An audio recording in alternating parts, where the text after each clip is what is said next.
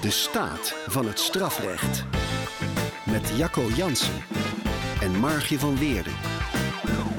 Strafrechtelijke actualiteiten in klare taal. Welkom bij de vierde aflevering van de Staat van het Strafrecht. De rechtspraakpodcast over actuele ontwikkelingen in het strafrecht. Elke maand komen we bij elkaar om te praten over het strafrecht en u mag meeluisteren. Het thema van vandaag is bewijs. Hoe wordt bewijs verzameld? Hoe bespreekt de rechter het bewijs met de verdachte? En wat betekent het precies als een feit bewezen is? Ja, dat gaan we allemaal bespreken. Ook of dat nu goed gaat en of het anders zou kunnen of misschien wel anders zou moeten. En daarbij zullen we u laten zien dat de verklaring van de verdachte, een niet onbelangrijke speler als je het hebt over bewijs, dat we die echt uit het oog zijn verloren. Weer een volle aflevering dus. Maar eerst gaan we in op de dingen die ons opvielen in het strafrechtelijk nieuws van de afgelopen dagen. Actualiteiten. Deze podcast is opgenomen op 13 juli 2021. Inmiddels heeft ook ons het verdrietige bericht bereikt dat Peter R. de Vries is overleden. Onze gedachten gaan uit naar zijn familie en vrienden. De actualiteit in het strafrecht was de afgelopen dagen natuurlijk de aanslag op Peter R. de Vries, waar iedereen enorm van is geschrokken. Zeker. En ja, het zou gek zijn als we het niet zouden noemen, maar inhoudelijk kunnen we er niet zo heel veel over zeggen. Nou, nee, niet, niet heel veel. Eh, twee verdachten in voorlopige hechtenis, vast, eh, in afwachting van de zitting. En over de inhoud van het dossier eh, is weinig bekend, dus daar kunnen we ook helemaal niks over zeggen. En we hebben die, die ruimte ook niet op dit moment. De zaak is onder de rechter. Ja, nog een actualiteit die we eigenlijk ook wel even moeten benoemen. Het begin van de zaak tegen Dirk Wiersum. of ik moet zeggen, de, zaak tegen de verdachten van de moord op Dirk Wiersum. Um, begon op maandag deze week en het was even spannend of het wel echt zou beginnen. Want de um, advocaten van de verdachten deden een aanhoudingsverzoek. Dat is een verzoek tot uitstel van de zitting. Um, vaak om aanvullend onderzoek te doen. Ik heb dat als advocaat ook wel eens gedaan. Als ik vond dat het dossier eigenlijk nog niet klaar was voor de zitting. Daar maak je niet altijd vrienden mee. Nee, nee, dan zit je in de rechtszaal niet om vrienden te maken. Maar ik begrijp, nee. ik begrijp wat je bedoelt. En het is ook best lastig voor een rechter hoor, om uh, ja, toch een soort belangenafweging te maken. Aan de ene kant moet je de voortgang van de zaak uh, bewaken, voor de verdachte ook, maar ook voor de benaderde partijen. Maar ook het belang van het onderzoek wat, wat gevraagd wordt in de gaten houden. in dit geval moesten er nog een nadere getuigen worden gehoord. Nou ja, de zaak werd twee uur geschorst. En toen werden de verzoeken toch allemaal afgewezen en is de rechtbank Amsterdam begonnen met de zaak. En dit soort zaken van Peter R. de Vries en Dirk Weersum leiden ook binnen het strafrecht weer tot veel nieuwe vragen en debatten. Bijvoorbeeld over de beveiliging van procespartijen, de bestrijding van de georganiseerde misdaad, de kroongetuigenregeling. Ja, ja zo'n kroongetuige, dat, dat, dat leidt tot een ingewikkelde dynamiek in zo'n strafproces. Uh, kroongetuige, wat is dat nou eigenlijk? Ja, dat is een, een verdachte, die dus ook verdacht wordt van meestal dezelfde strafbare feiten als de mensen waar hij tegen verklaart. Uh, is dus verdachte en in ruil voor strafvermindering legt hij dan verklaringen af tegen de andere verdachten. Ja, en dan ontstaan er belangen bij zo'n kroongetuige en dat is altijd lastig. Ja, want dan leidt natuurlijk tot vragen over de betrouwbaarheid van die getuigen. Uh, maar misschien ook over vragen van veiligheid van die getuigen en zijn omgeving. Ja, het is een ingewikkelde kwestie, eigenlijk altijd. De straat van het strafrecht. Ja, na deze twee toch hele serieuze uh, actualiteiten uh, iets luchtigers. Um, het begint zelfs uh, met een raadsel. Ja, het raadsel gaat als volgt. Een man en een zoon plegen een overval. Ze worden op heterdaad betrapt door de politie. En er ontstaat met de politie een vuurgevecht. De man wordt gedood en de zoon wordt aangehouden. Als hij uiteindelijk terecht moet staan, zegt de rechter: ik kan deze zaak niet doen. Ik kan hem niet berechten, want hij is mijn zoon. Dat kan niet. Nee, raar, raar. Hoe kan dat? Het is een geadopteerde jongen. Een geadopteerde jongen. Nee, nee, nee. Het is de zoon van een homostel. Nee, nee. De moeder is vreemd gegaan. De rechter is de echte vader. Denken jullie thuis ook mee? Het antwoord is natuurlijk: de rechter is zijn moeder. Maar je Oh. ziet dus dat we bij termen als rechter en ook arts, chirurg enzovoort denken aan mannen. Ja, en dat is bij rechters in hoger beroep nog erger. Daar Ja. heten vrouwelijke raadsheren, rechter in hoger beroep, die heten ook raadsheren. Ja, en die willen dus nu raadsdames genoemd worden. Daar is nu een oproep voor gedaan. En er zijn ook kamervragen over gesteld. Van misschien moet er een ander term worden gebruikt. Moet dat zelfs de wet daarvoor worden gewijzigd. De minister heeft dit dossier doorgeschoven naar een volgend kabinet. Nou, dat lijkt me niet nodig. Eh, misschien is het goed als wij morgen gewoon beginnen met rechterin, officieren van justitie, raadsdame, raadsvrouw en de griffeuze. Of de griffière, de griffieren.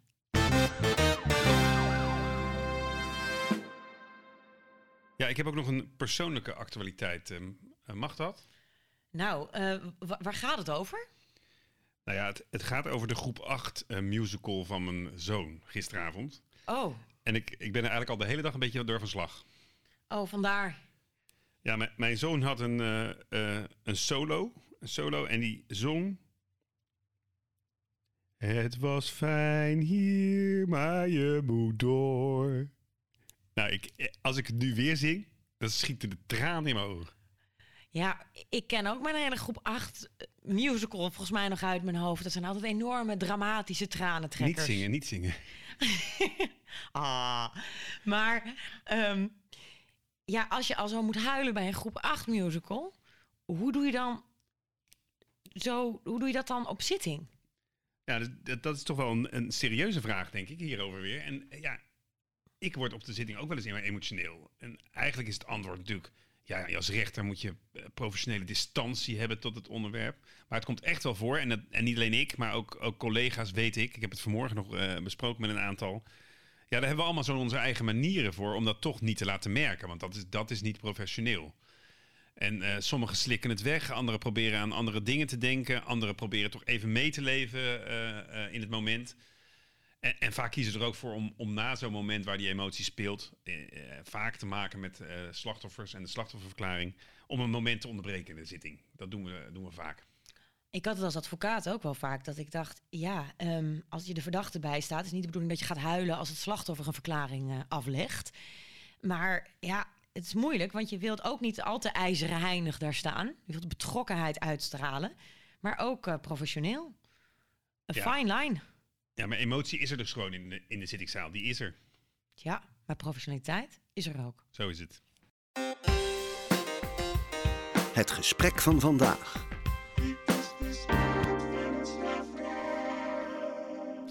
Het gesprek van vandaag gaat over bewijs.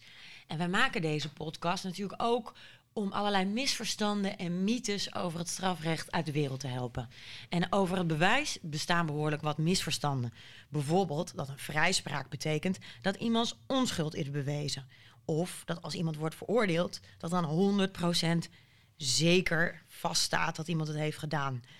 Maar ook, en dat komt natuurlijk een beetje uit Amerikaanse films, het idee dat het hele onderzoek naar de strafbare feiten plaatsvindt op de zitting. Dat alle getuigen naar de zitting komen, dat wapens naar de zittingzaal worden gebracht. Zo gaat dat niet in Nederland. Het onderzoek vindt vooral voor de zitting plaats. Ja, goed, Margje, voor de zitting. Want laten we bij het begin eh, beginnen. Waar begint nou een strafrechtelijk onderzoek? Nou, vaak begint een strafrechtelijk onderzoek met een aangifte. Iemand komt bij de politie en die vertelt: Mij is wat overkomen, wilt u daar onderzoek naar doen? Een, tweede geval is: er ligt iemand op straat, die leeft niet meer. Het heeft er schijn van dat iemand daar op een strafrechtelijke manier bij betrokken is. En dan begint er een opsporingsonderzoek. Wat ook kan dat de politie zelfstandig een opsporingsonderzoek begint, omdat die denkt: in deze wijk is bijvoorbeeld heel veel eh, eh, winkeldiefstallen worden daar gepleegd. Daar gaan we een grootschalig onderzoek naar doen. Op allerlei manieren kan een feit ter kennis komen van de politie. En dat opsporingsonderzoek kan op heel veel manieren. Er kunnen getuigen worden gehoord. Er kan sporenonderzoek plaatsvinden, technisch onderzoek. De politie kan eigen bevindingen opschrijven. Die kan camerabeelden uit, uitkijken. Je kan het eigenlijk niet zo gek verzinnen of de politie kan er onderzoek naar doen. En die legt dat dan neer in, zoals wij dat dan noemen, een proces verbaal. Dat is een verslag van de politie, wat zij onder ede op ambtseed eh opmaken. En dat doen zij allemaal, dat opsporingsonderzoek, onder leiding van de officier van justitie. Ehm, de verdediging heeft weinig eigen opsporingsbevoegdheden. Het, de verdediging, dat is de verdachte en zijn advocaat. En, maar het idee is ook dat dat niet nodig is, omdat de officier een magistraat is, zeggen wij dan. Een onafhankelijk functionaris. Dus niet een crime fighter, maar iemand die objectief de waarheid zoekt en zowel het belastende als het ontlastende bewijs ja, uitzoekt en in het dossier doet. Ja, en wat mogen zo'n officier van justitie en die politiemensen dan allemaal doen? Nou, het antwoord op die vraag is eigenlijk heel simpel. Ze mogen doen waartoe ze door de wet in staat worden gesteld. Dus de wet geeft ze bevoegdheden met daarbij voorwaarden. En hoe is dat nou zo in de wet terechtgekomen? Nou, in de jaren 90, begin jaren 90, was er een groot probleem in de opsporing. Toen werd de commissie van TRA ingesteld. En die commissie heeft onderzoek gedaan naar die opsporingspraktijk in die jaren. En die heeft een rapport gemaakt van 6000 pagina's. Dus er was in die tijd echt, wel wat, aan, de hand. En uh, uh, uit dat rapport is eigenlijk gekomen dat het goed zou zijn dat als je bevoegdheden hebt, dat je die dan baseert op de wet en je daar dan ook vervolgens aan houdt. Ja, en dan moet je ook nog um, houden aan alle voorwaarden die dan in die wet staan. Want elke bevoegdheid is dan aan bepaalde voorwaarden verbonden. Bijvoorbeeld, als je een telefoon van iemand wilt tappen, heb je toestemming nodig van de rechtercommissaris. Nou ja, dus dat zijn allemaal dingen die de politie kan doen, de officier kan doen. Ehm, en zoals ik zei, de verdediging heeft geen eigen opsporingsbevoegdheden, maar staat niet helemaal met lege handen. Nee, dus die, die politie is heel hele tijd aan de gang. Dat kan, uh, ja, dat kan een paar weken zijn, dat kan een paar maanden zijn, maar soms, soms ook wel een jaar al aan het opsporen zijn. En dan komt de verdediging, zoals jij zegt, de advocaat en de verdachte uh, pas in beeld. En die kunnen dan aan de officier van justitie of aan de rechter vragen om ook eigen onderzoek te doen naar het strafbare feit. Om te kijken of er ook aan die kant ontlastende dingen zijn te benoemen die een rol moeten spelen straks op de zitting. Ja, dan moet je dan wel goed motiveren om de officier en de rechter dan te overtuigen uh, om die bevoegdheden in te zetten. Ja. Nou, en als alles dan, alles bewijs belastend en ontlastend dan verzameld is, hebben we een dossier. En uh, dat wordt dan beoordeeld op zitting. En dan de waardering van het bewijs door de rechter. Hoe gaat dat? Ja, hoe gaat dat? De rechter kijkt of het bewijs rechtmatig is verzameld, of het betrouwbaar is en of het redengevend is. En als dat niet zo is, dan is het in sommige gevallen niet bruikbaar. Ja, rechtmatigheid. Bijvoorbeeld die telefoontap waar we het net over hadden. Wat vereist is door de wet, is dat er een machtiging is, een handtekening is van de rechtercommissaris. Als die ontbreekt, lijkt misschien een formaliteit, maar is toch een belangrijke fout. Want ehm, wat er eigenlijk ontbreekt, is een onafhankelijke toets door de rechter. Dus dan is het bewijs onrechtmatig verkregen. Ja, en als die regels van die verzameling van bewijs dan worden overtreden, dan kan dat verschillende gevolgen hebben. En bewijsuitsluiting, dus dat de rechter dat bewijs niet mag gebruiken als hij een bewezen, tot een bewezen verklaring van het strafbare feit wil komen, dat is een van de consequenties. Dat is niet in alle gevallen hoor. Dat is, dat is een, een best een zware sanctie. Ja, alleen gebruik je dat eigenlijk als er een grove fout is gemaakt. En als er heel veel grove fouten zijn gemaakt, kan het ook nog zo zijn dat de officier helemaal het recht tot vervolging verspeelt. Dus dan gaat die hele zaak niet door. Dat gebeurt niet vaak. Uh, wat vaker gebeurt is dat bijvoorbeeld zo'n fout gecompenseerd wordt door een strafvermindering of dat het alleen benoemd wordt in het vonnis. Nou, dat over de rechtmatigheid. Dan noemde je net ook nog de betrouwbaarheid van het bewijs. Ja, de betrouwbaarheid is eigenlijk een, eh, een belangrijke, maar zo niet de belangrijkste toets die de rechter moet aanleggen. Want als bewijs niet betrouwbaar is, dan mag de rechter het niet gebruiken. Eén op één dus. En het gaat dan, dat is wel belangrijk om te vertellen, bijvoorbeeld bij een getuigenverklaring, om de betrouwbaarheid van de verklaring. En niet om de betrouwbaarheid van de getuigen. Dat hangt misschien best een beetje samen, maar hou dat verschil goed in de gaten. Ik heb daar een kort voorbeeld bij. Stel je voor op de zwarte markt is een oplichter aan de gang en die verkoopt aan allerlei klanten halve verpakkingen met deodorant. Een oplichter dus. Ja. Maar die oplichter, die verklaart bijvoorbeeld over een vechtpartij die voor zijn kraampje heeft plaatsgevonden. Daar kan die best een hele betrouwbare verklaring over afleggen. Dus twee dingen die goed moeten worden onderscheiden. En dan is er ook nog de redengevendheid van het bewijs. Het bewijst het eigenlijk iets. En als het niks zegt over het te lastig gelegde feit. Dus het feit dat verweten wordt, ja, dan is dit niet echt bewijs. Nou, dit zijn allemaal kwaliteitseisen.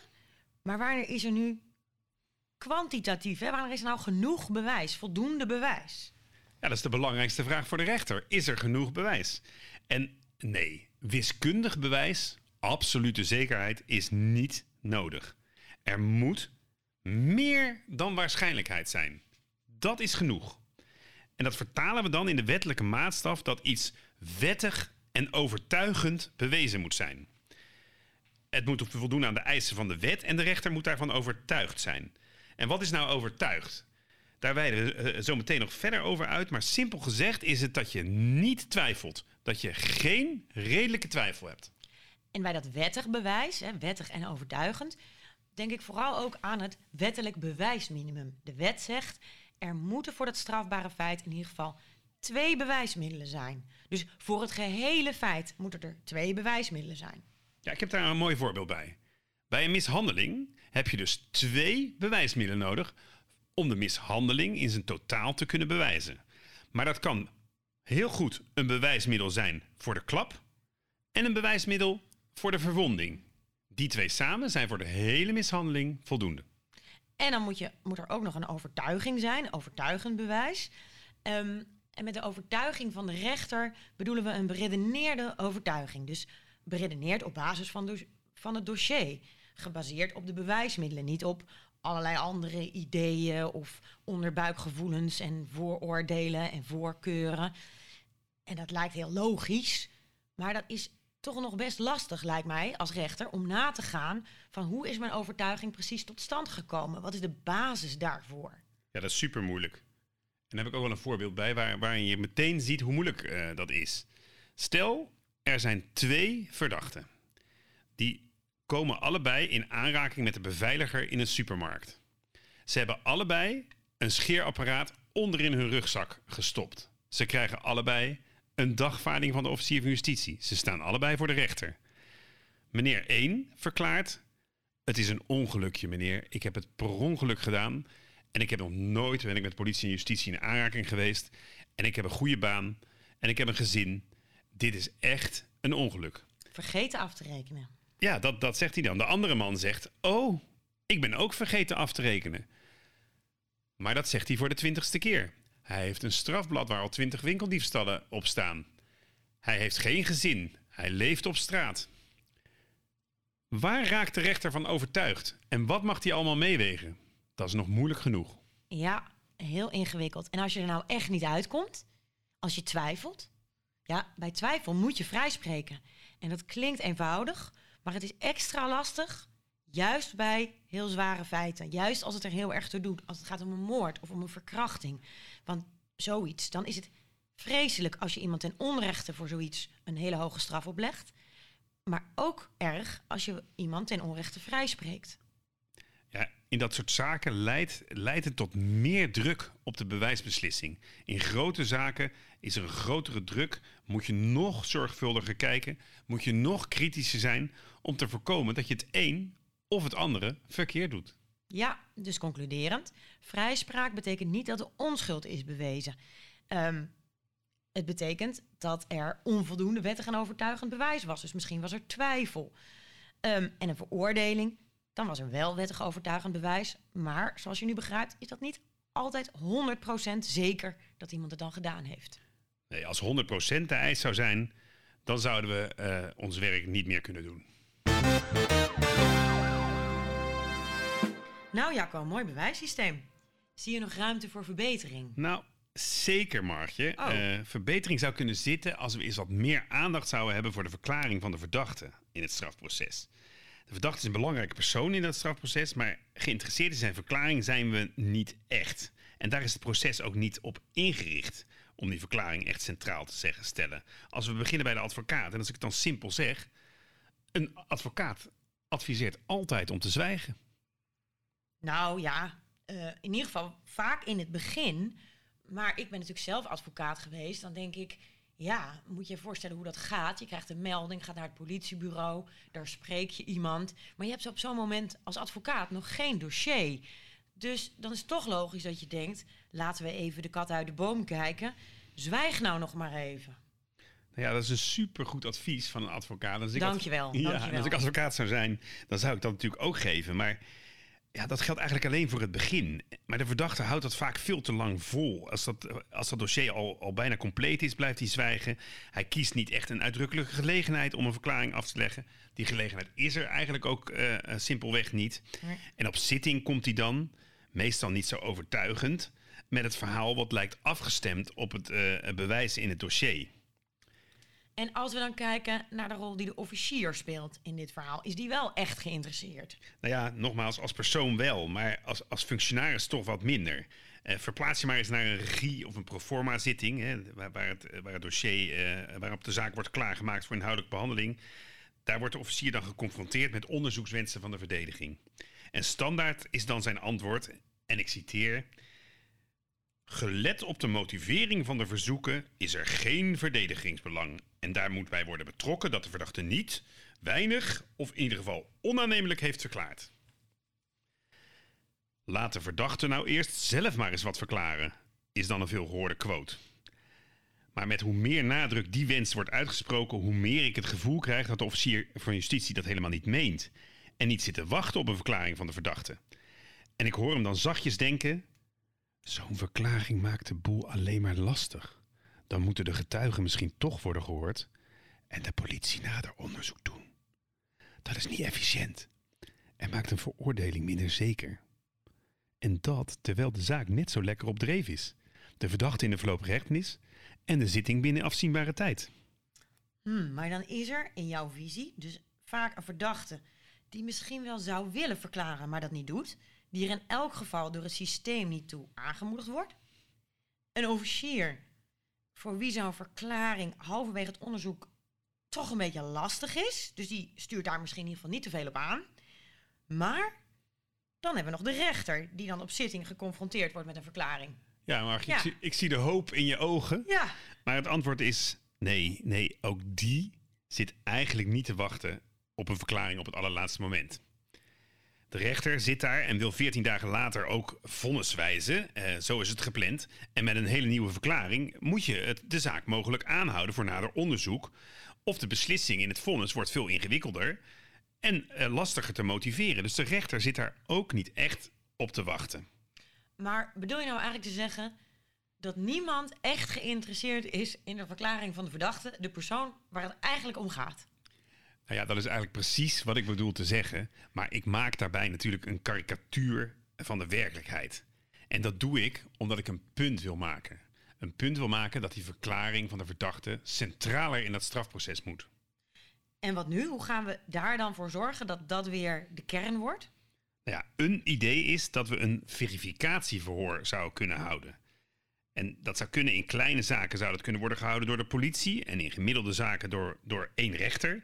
En in grote zaken door, door drie rechters, de hele Kamer. En in dat verhoor, en dat dan in mijn, idee moet plaatsvinden als het dossier helemaal klaar is, daar worden de belastende elementen uit het onderzoek dan aan de verdachte gepresenteerd, besproken en wordt aan hem een reactie gevraagd. En van daaruit wordt vervolgens gekeken naar het verdere onderzoek en hoe dat eruit zou kunnen zien. En pas als daar de keuzes zijn gemaakt en eventueel onderzoek is gedaan, gaat de zaak naar de inhoudelijke behandeling op de zitting dan moet er nog veel veranderen. Iets om over na te denken deze zomer. Misschien is het goed voor het nieuwe wetboek. De vraag van de luisteraar.